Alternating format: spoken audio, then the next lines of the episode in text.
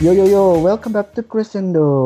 Setelah tiga minggu uh, kita nggak mengudara dan membuat podcast, kali ini kita balik lagi nih buat memberikan update update-update terbaru atau bahkan cerita-cerita terbaru dari dunia musik baik internasional maupun lokal. Nah di minggu-minggu ini tuh kayak minggu-minggu krusial gitu karena ya udah kita udah di akhir bulan uh, Juli mau menuju Agustus uh, which is uh, ini sudah masuki apa ya, pertengahan summer gitulah. Di mana kan biasanya kan artis-artis artis atau musisi-musisi luar tuh kayak berlomba-lomba mengeluarkan project-project mereka. Dan tapi ya masih dalam atmosfer pandemi kan jadi kayak bener-bener mereka galau nih. Tapi ada salah satu musisi uh, besar ya dibilang besar dan juga berpengaruh yang tiba-tiba meledakkan jebret. dunia biar gitu di akhir pekan ini yang biasanya tuh musisi kan biasanya kalau ngasih kejutan whether itu bikin album atau single kan kayak ya durasinya uh, eh, teaser teaser kan kayak bisa seminggu atau ya paling lama ya tiga bulan empat bulan kan. Ini kayak cuman sehari gitu ya tiba-tiba langsung umumkan kalau dia bikin eh dia punya album baru nih. Tapi sebelumnya gue perkenalkan dulu nih uh, ada Leo yang di ujung telepon sana yang baru pertama kali gabung di podcast ini. Halo Leo. Hai Halo semua. Yeah. Dan juga ada tetap, tetap uh, rekan dan partner rekaman gue di podcast Crescendo ini Satria Pamungkas. Hai. Wih, apa kabar kalian semua? Ya, begini-begini aja. Begini-begini aja. uh, ya, sebelum kita menuju uh, tema utama, uh, kira-kira kayak gak enak kalau kita nggak bacain recent update nih. Jadi rilisan-rilisan terbaru yang dirilis oleh musisi-musisi di akhir pekan kemarin. Kira-kira ada siapa ya, Seth? Jadi ada ada album perpisahan hmm. dari uh, dari seorang rapper. Salah satu ya, yang yang gue gadang-gadang sebagai rapper white putih yang paling berpengaruh ya berpengaruh di... juga sih. After Eminem kan? Apa uh, setelah Eminem kan Eminem kan kayak yeah. yaitu dari uh, album terakhir dari Sir Robert Bryson Hall II atau yang kita kenal sebagai Logic. Logic. Yaitu No Pressure. Doi pensiun lah ya. Pensiun. Ya. Hmm. Apa yang bikin album ini spesial? Karena ini ya ini album uh, album perpisahan. Tapi apa sih yang membuat yang pengen disampaikan oleh si Logic di album ini Seth? Gue bilang si Logic ini udah dalam dua tahun terakhir ya, dua, dua tiga tahun terakhir lah dari 2017 sampai 2020 ya ini uh, merupakan tahun-tahun tahun-tahun dia paling aktif lah istilahnya. Setelah lagu eh kolaborasinya sama Alessia Karama Khalid ini terbukti apa menginfluence banyak orang segala macam ya kan kita lihat aja bagaimana karir bagaimana karir si Logic ini ke, ke depannya gitu loh setelah dia banting setir. Banting dari gamer. Padahal sebelumnya juga sebelum dia sebelum dia pensiun juga dia dia juga nyambi nyambi juga tuh. Hmm. punya channel gaming. Kalau nggak salah. Terus ada siapa lagi bung?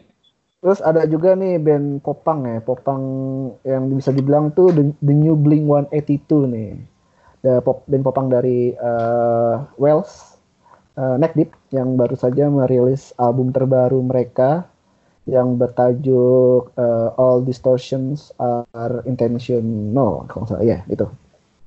Ini menjadi album Hai. keempat mereka. Ini yang baru lu ini ya? Ya kemarin gue sempat interview sama mereka dan bakal naik juga nih di Crescendo uh, setelah podcast ini. Jadi tungguin aja ya interviewnya si si Neck Deep nih. Jadi uh, tetap mengusung popang-popang ceria uh, si Neck Deep ini, tapi uh, ini menjadi album pertama di mana uh, mereka itu uh, merekrut seber merekrut uh, member baru yaitu Seth Barlow. Eh, ya Seth Barlow. Jadi Seth Barlow itu adalah adiknya dari Ben Barlow which is vokalisnya si Neck Deep. Nah, Seth Barlow ini direkrut buat menggantikan salah satu member yang memang udah cabut sebelumnya dan ini menjadi album pertama dia yang bersama Neck Deep yang dia rekam emang sebagai official member si Neck Deep. Itu dia gantiin posisi yang di mana itu? Jadi Bassino. si Barlow itu mengisi posisinya basisnya Neck Deep yang dulu Oh, si basis. uh, Phil, uh, Phil Thorpe Evans yang emang cabut karena emang masalah masalah keluarga waktu itu udah cabut terus ya udah Oh, daripada Prehitra. ya kan Praejar Eh, daripada dia aja.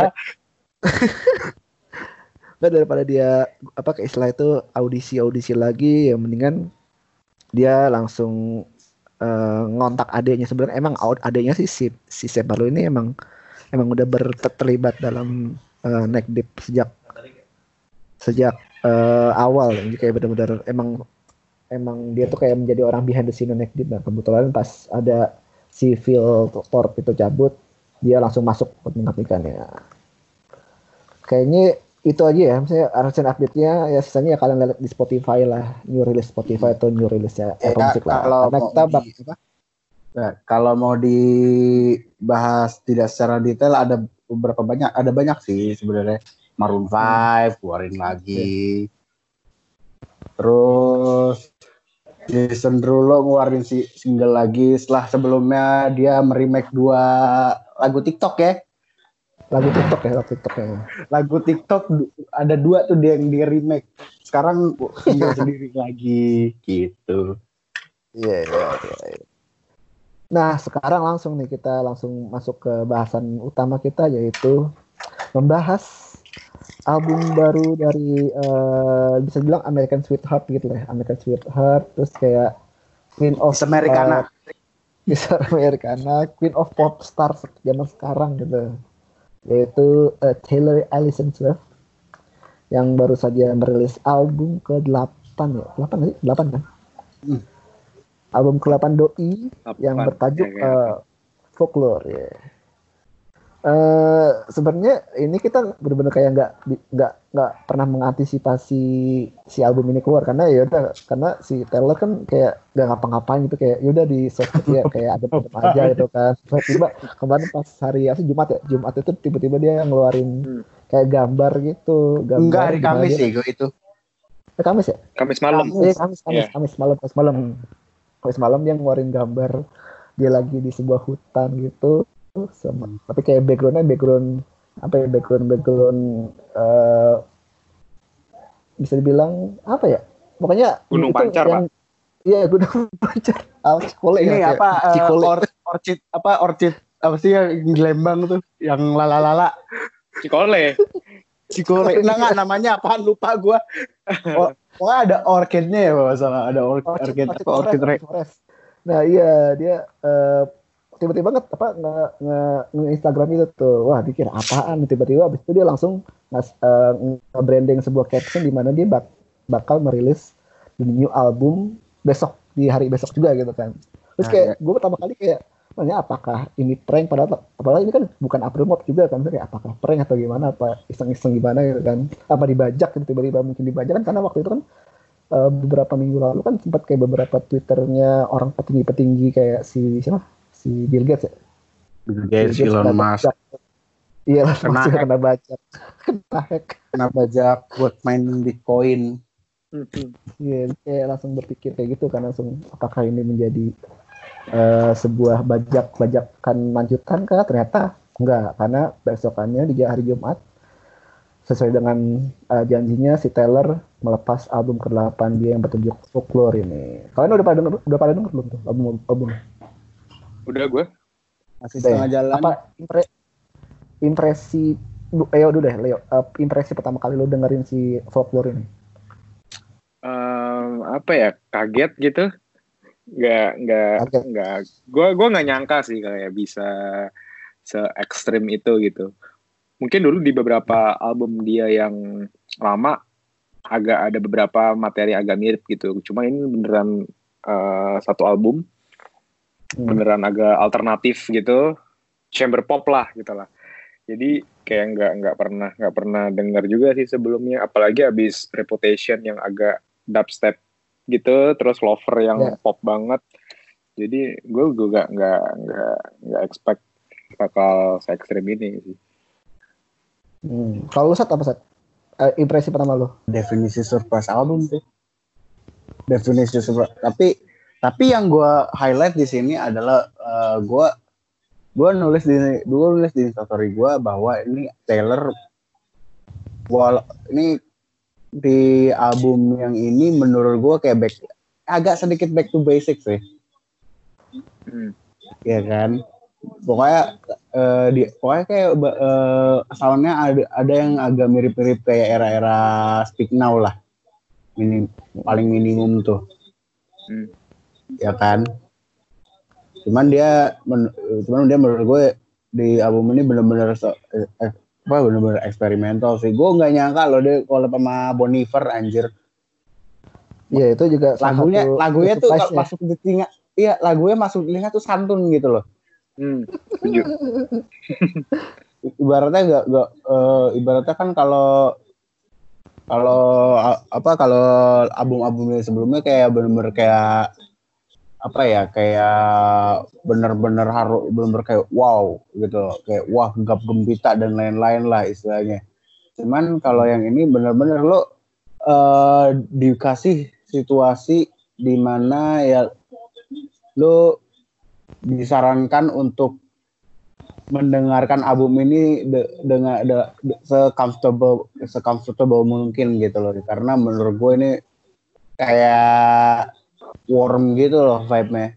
Bener-bener lagu-lagu buat ini lah buat nemenin lo di perjalanan banget sih.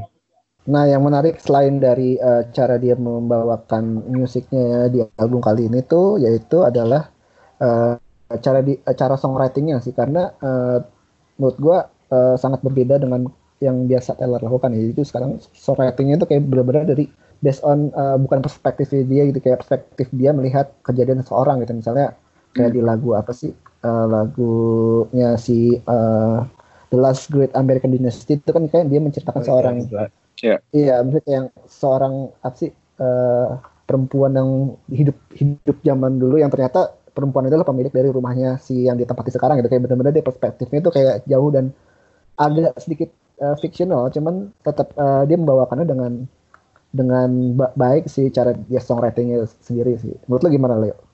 Itu yang di ini bukan sih rumahnya dia yang di Rhode Island bukan sih? Iya Rhode Island itu yang yeah, yeah, yeah. Ya, menurut gue, tapi ini sih kalau kalau gue ngelihat si The Last Great American Dynasty ini, ya kayak lo bilang sih, uh, dia angle nulisnya apa ya, third person ya istilahnya. Third person ya. ya. Jadi dia nggak menceritakan seseorang gitu.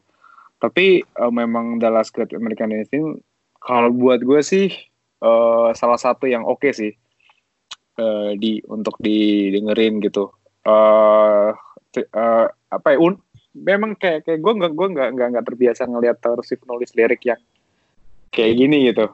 Uh, biasanya kan kayak dia udah kayak biasa pengalaman dia gitu gitu. Pengalaman kan? dia dia curhatnya tetap ada, cuman yang di di sini apa ya, angle-nya agak-agak beda aja sih kita gitu, cara storytellingnya.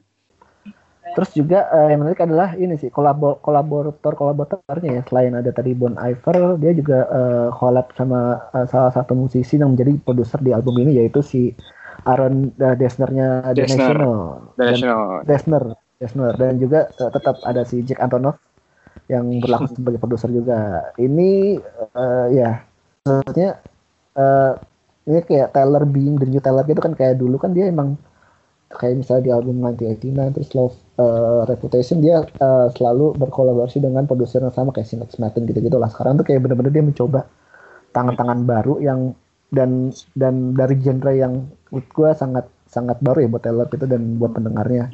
Apalagi kan di National kan sebagai salah satu band yang bisa dibilang yang pendengarnya juga sangat minoritas gitu kan. Tiba-tiba uh, diajak Taylor buat di collab album ini tuh kayak ya seakan ini sebuah uh, breakthrough buat dia juga sih jatuhnya sih. Tapi lu ngelihat si Aaron Desner ini gimana? Maksudnya apakah emang dia uh, cocok dengan project ini atau emang gimana sih?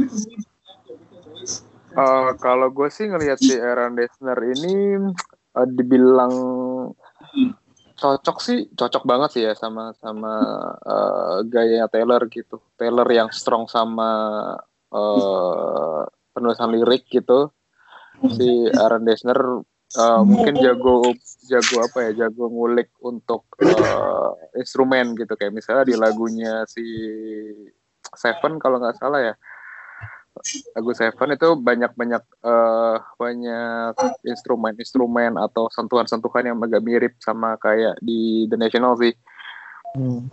ya synthesizer gitu-gitu. Jadi menurut menurut gue sih apa ya uh, uh, bagus buat Taylor juga sih untuk untuk, eksplorasi. Jadi menurut gue dia di tangan yang tepat sih si Taylor ini gitu. Dan menariknya ya si yang mesti kayak album ini kan jadi uh, album kedua dia setelah cabut dari ini ya label yang besar sama dia Big Machine gitu kan. Dan dalam kurun waktu cuma setahun dia merilis album ke delapan itu menurut kayak menurut gue ini kayak uh, kayak statement Taylor kalau misalnya ya gue bisa melakukan apa aja tanpa ada gangguan dari orang lain gitu kayak si label-label ini kan kayak dan apalagi dengan pemilihan tema yang dia pilih di album ini dengan pemilihan genre yang dia pilih juga kayak membuktikan kalau Taylor tuh kayak ya she can do whatever she wants gitu kan. Gue setuju sih uh, dengan statement bahwa ini merupakan apa ya, bukan albumnya Taylor dengan point of view yang sedikit berbeda dibandingkan dengan album-album sebelumnya gitu loh. Uh, dari cara penulisan storytelling dan segala macam, gue jadi keinget ini kan gue jadi keinget OVT bung OVT banget pak. ya gaya gaya oh, penulisannya kan mirip kayak gitu kan istilahnya kayak bagaimana cara gimana cara yeah. maksudnya gue bagaimana cara cara dia menceritakan sesuatu dalam lagu kan Iya, yeah. fictional gue nih sih, fictional dan dan sangat imaginary banget sih. Iya.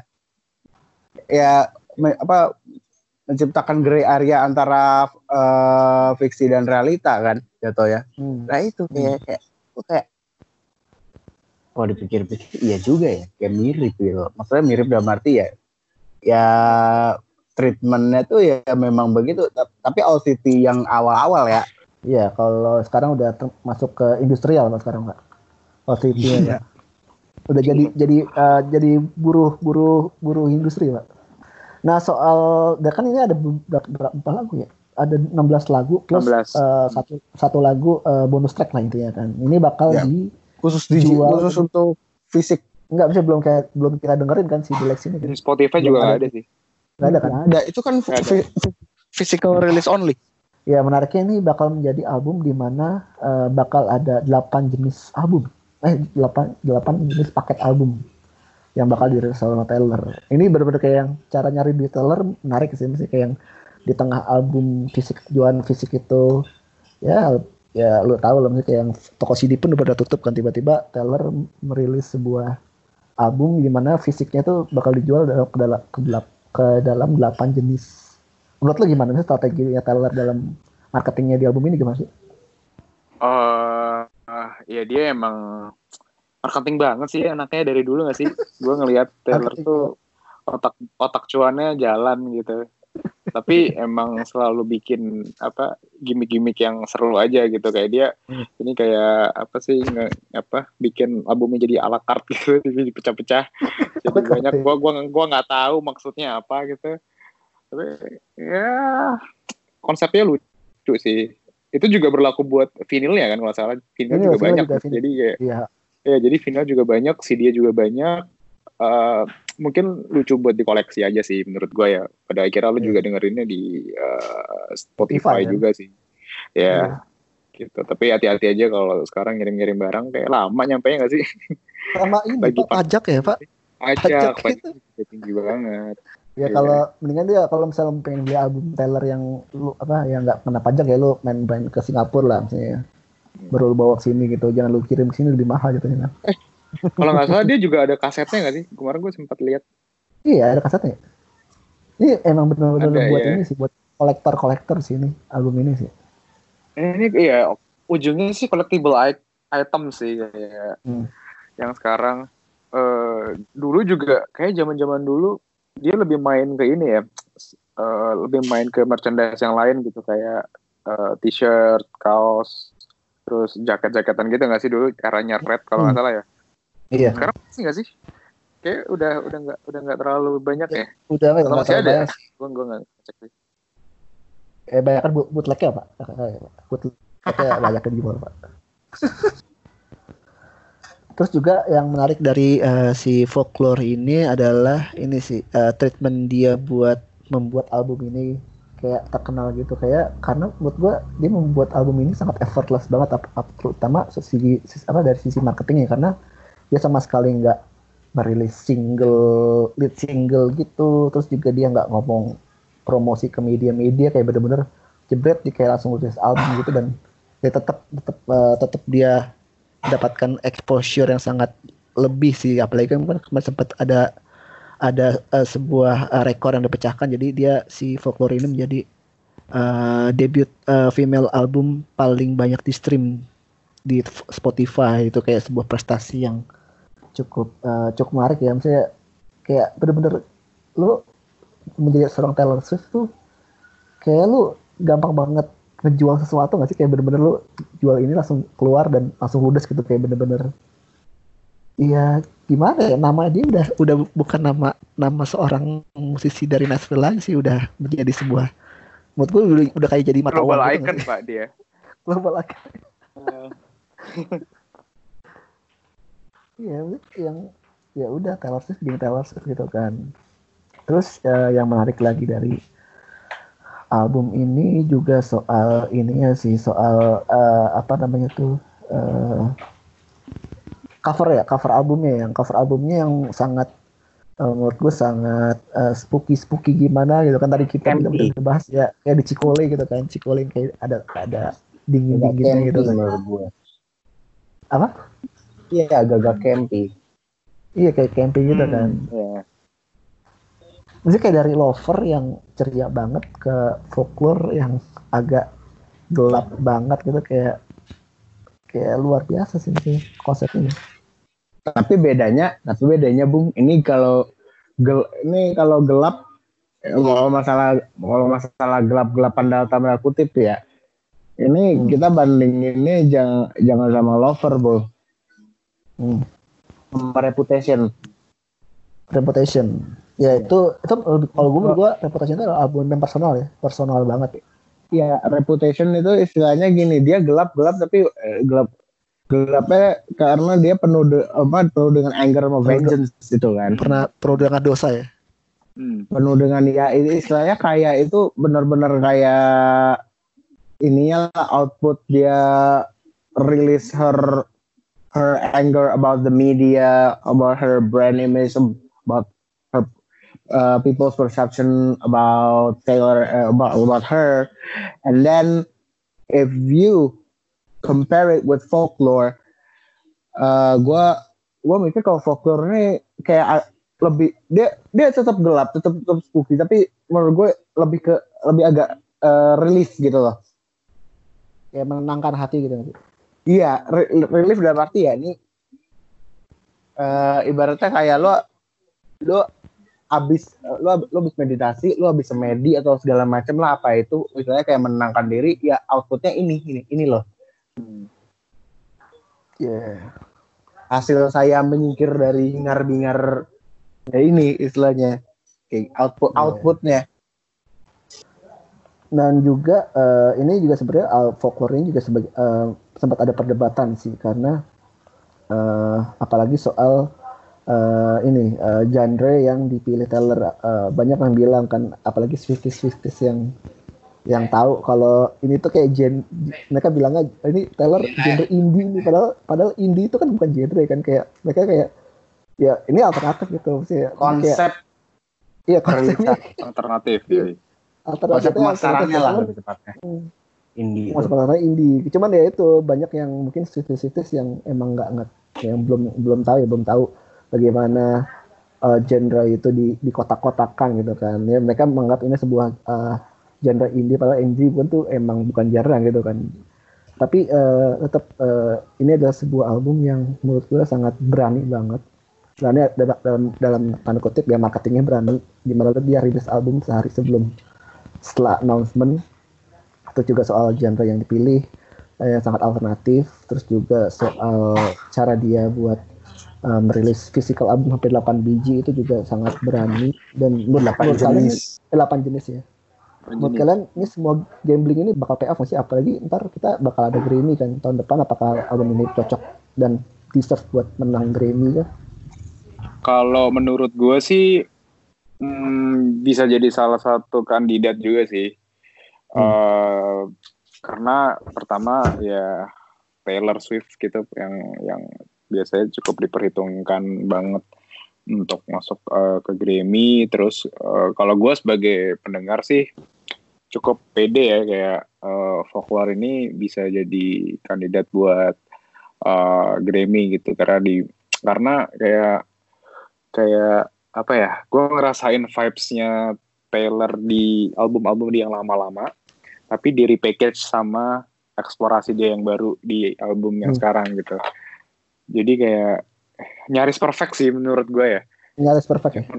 Menurut gue sih nyaris perfect. Pas banget dia dipegang sama si orang-orang yang tepat juga gitu. Terus uh, jadi menurut gue sih kayak albumnya Taylor dari album ke album tuh kayak cycle manusia gitu gak sih? Dari awal yang ABG gitu uh, cinta-cintaan terus Iya. kemudian uh, punya uh, apa complexion about love story terus kemudian di reputation dia lagi down kemudian eh, somehow di folklore dia bisa balik lagi dengan apa ya kedewasaan dia gitu. Jadi menurut gue sih menurut gue sih folklore ini kayak punchline dari eh, tujuh album sebelumnya sih gitu. Bagusnya sih abis ini gak usah harus album lagi gitu. Iya, kan, ini tuh album ya. terakhir. menurut gue ini album terakhirnya aja gitu abis ini Hmm. ya nikah Ya, aja dia lah rehat. udah Nikah nikah Ya, rehat ah. dulu lah. 10 tahun baru Tahun. rilis album lagi gitu ya. Ya. Karena menurut gue nih kalau abis folklore rilis lagi ya ya Jadi cringe, ya, cringe, cringe. ya ya mungkin nggak cringe Udah tapi kayak. ya, udah udah anti klimaks aja sih menurut gue gitu. Ganti klimaks. Karena gini, Iya. karena karena menurut gue dari album ini tuh ini tuh mempersatukan antara pop sama eh, indie tanda kutip.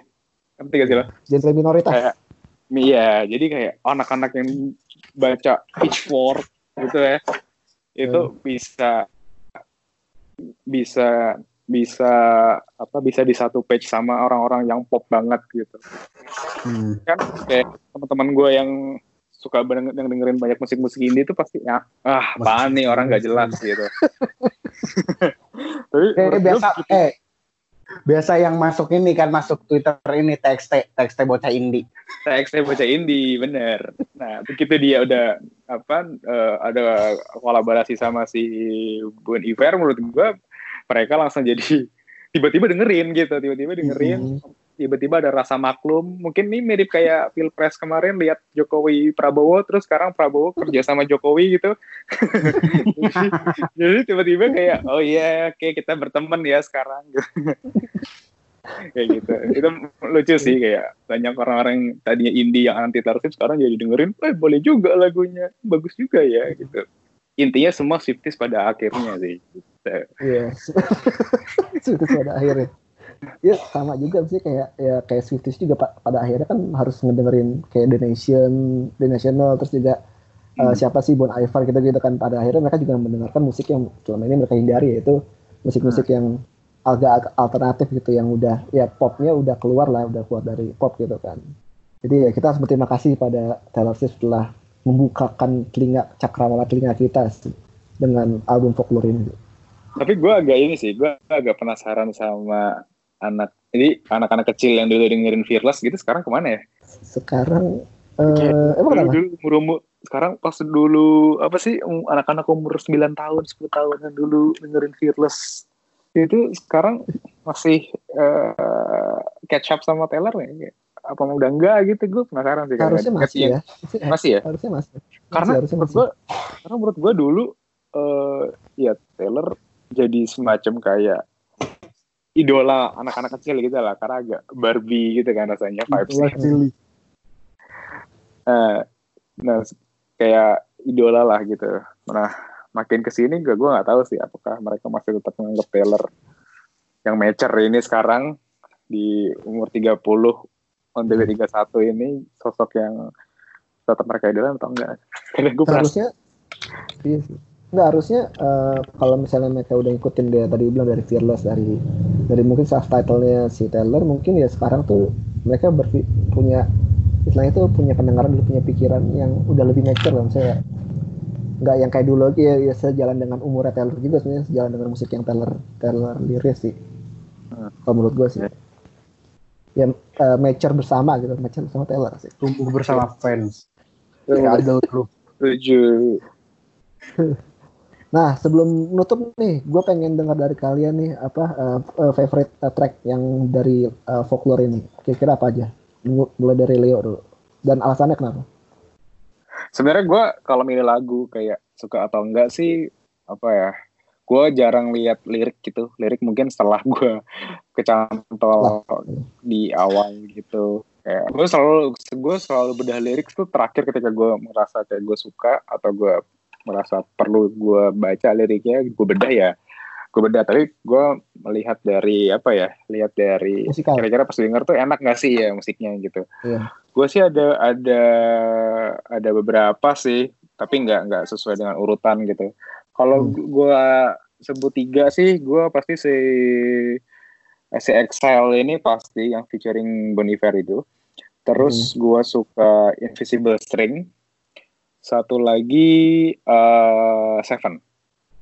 Yo, iya. Alasannya kayak Apa? ya gue alasannya sebenarnya simpel ya karena gue ter uh, tergigit oleh musiknya gitu. Hmm. Ya uh, seru gitu. Yang lainnya sih juga bagus, cuman uh, mungkin belum belum belum aja sih. Gitu. Oh tapi ada si My Tears uh, Ricochet itu juga bagus sih. My Tears uh, Ricochet yeah. itu. Ya. Uh, My Tears Ricochet. Itu Kenapa? Favorite dari maksudnya jadi salah satu favoritnya Swift juga si si Mighty Stick Ricochet. Oh iya. Yeah. Hmm, yeah. Kayak kalau di Lover tuh ada uh, apa namanya itu? Summer apa? Summer Summer apa nih? Yang Cruel Summer maksud lo? Oh iya Cruel Summer maksudnya di Lover tuh ada Cruel Summer yang jadi favorite semua orang lah. Hmm. Kalau lu satu apa Favorite dari kalau gue hampir sama sih itu gue paling number one favorite-nya Exile. Terus Karena suara juga... Bon Iver itu kayak bener-bener si siapa vokalisnya tuh kayak bener-bener dalam dalam banget sih hmm. kayak tambahin vokal Taylor yang maksudnya gini gue kasih alasannya aja pak. Saut-sautannya pak. Bener-bener. Saut-sautan ya? Kayak adu pantun. saut-sautannya tuh kayak kayak gimana ya? Kayak ini bukan istilahnya kayak uh, kayak bukan adu-aduan siapa mana yang paling non paling nonjol ininya kayak apa? saling mengisi lah ya. Iya. Pas aja gitu loh ininya apa hmm. uh, komposisinya gitu. Saya uh, istilahnya uh, bo, baik Bon Iver sama si Taylor Swift itu saling melengkapi saling melengkapi ini gitu loh siapa lagi ya ya, paling ini sih Mighty Ricochet sih ya hampir sama lah hampir Nah, kalau gue tuh justru gue uh, suka di track pertama yang The One itu ya. The One itu kayak menurut gue, kayak menurut gue ini lagu, apa, lagu religius sih yang track satu sih kayak gimana gitu, kayak kayak lagu-lagu gospel gitu gak sih? Apa jangan-jangan hmm? apa jangan-jangan ini apa uh, shade halus untuk uh, arc rivalnya. Apa? yang yang kemarin-kemarin sibuk keluarin album religi. Terus gara-gara dia apa namanya? Terus gara-gara dia announce uh, album baru tanggal 24 dia kagak jadi tuh ngeluarin tanggal 24 malah sibuknya press iya itu sih kan ya gue gue suka The One terus juga gue suka ini sih uh, di track 13 tuh ada judulnya eh, Epic Penny ya? Epic Penny ya Epic Penny itu ya. uh, menurut gue sangat postrok postrok banget sih itu gila. Gue kayak ngebayangin kayak lagu-lagunya pasti Explosion in the Sky kayak ngawang-ngawang gitu terus kayak Boat of Canada gitu kayak ini kayak ini bukan Taylor deh ini kayak somebody else gitu kayak tapi ini uh, si lagu ya Epic Penny ini kayak yang lagu yang tenang banget sih buat buat buat tidur buat buat buat apa ya buat bengong gitu gitu sih buat buat halu-haluan itu luar biasa sih Kayaknya Wah, kurang wah.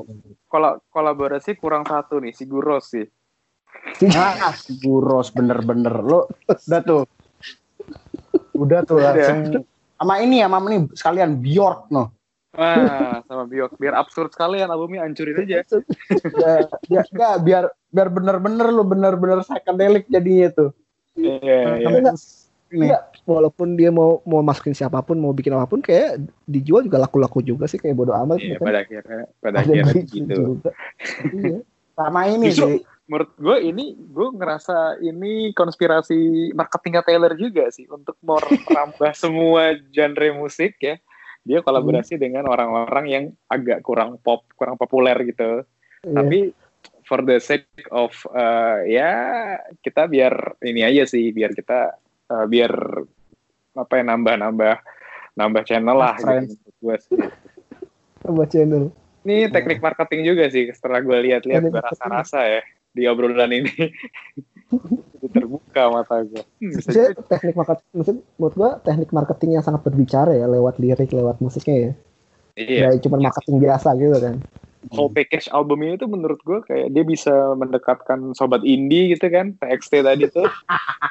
TXT bocah ini. Nah, yang anak-anak pop juga bisa menerima idolanya berubah jadi kayak gini, yang anak-anak indie juga bisa ngelihat kayak wah ternyata Bon Iver juga kerja sama Taylor Swift gitu ya. Gue mau nggak mau jadi agak kompromi dikit deh gitu. Mungkin bisa nextnya sama band metal gitu, grindcore gitu mungkin. kayak ini kalau kayak kalau kayak genre ya apa kalau genre shifting yang bener-bener kebulak banget tuh kayak poppy anjir yang awalnya kayak youtuber itu yang yang agak creepy itu dia kan awalnya Hmm. awal-awal keluar kan dia elektronik banget ya sekarang metal Iya. pak Tapi kayaknya kayak dia tersesat deh. itu tersesat itu emang sih. tapi tapi gini sih tapi tapi eh, kalau mau dilihat dari ini juga kan eh, si Taylor ini kan emang nggak sebelum vlog folklore kan nggak pernah tuh yang namanya nge- ngeluarin album yang ada parental advisory ya Iya, iya. Iya.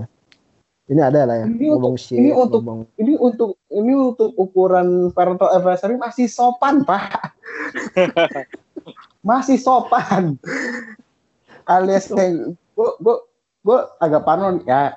Nih apa nih? Kok ada ada ini ya batch explicit apa segala macam? Ini Explicit ya.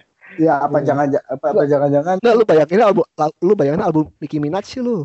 ya nggak juga. Maksud gue kalau dibandingkan dengan eh, dengan musisi pop lain misalnya yang yang berapa album langsung dia ngeluarin album eksklusif pertama kali misalnya kayak Ariana gitu loh. Ya kayak misalnya kayak Ariana Grande gitu tahu kan langsung kan langsung bener-bener ini kan dari awalnya ya udahlah lima track misalnya kayak gitu tahu-tahu di album Sweetener hampir semuanya tuh udah kayak album rapper Tapi ini mungkin kayak ini gak sih kayak kita terlalu melihat eh, terlalu lama melihat Taylor sebagai seorang anak put- putri yang baik gak sih kayak dari album dari Iya, album pertama sampai album Red pun dia masih menjadi orang yang sangat baik-baik aja kan. Iya, maksud gue gini loh, maksud gue kayak beberapa album sebelumnya lu melihat eh, Taylor sebagai ya sesuatu eh, seseorang yang lu look up to gitu loh. Hmm. Cuman kalau di fo- di folklore ini lu melihat Taylor sebagai ya temen wa- temen lu lu mau ngomong nge- sengelantur apa juga bodo amat gitu loh. Iya. Berarti eh, yang terbaik lah buat album folklore ini. Semoga Pasti pasti udah terbaik sih, udah pasti udah pasti mendapatkan hasil yang baik kan. Cuman kita nggak tahu kan apakah Grammy bisa menerima ini sebagai album of the year atau enggak kan kita nggak juga nggak tahu. Yang penting gue sih pengennya jadi si Ya. folklore ini jadi album of the year sih menurut gue. semoga ya semoga aja sih eh, Grammy tidak pop sentris ya.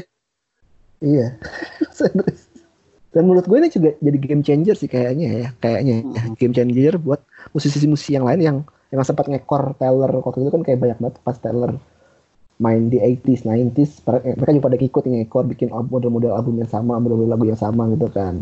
Apakah kayak musisi-musisi kayak misalnya Hasley atau kayak si ya kali Ray. Jepsen bakal ah ya Halsey atau kali Ray Jepsen bakal main di genre yang kayak gini juga apa itu juga nggak tahu kan tapi kayak ini bakal jadi game changer sih buat permainan eh, tema dan genre di eh, pop music sono lah ya satu hal sih, satu hal sih. Hmm. Uh, dia kan harusnya main di Glastonbury tahun ini kan sebenarnya Taylor ya. Iya.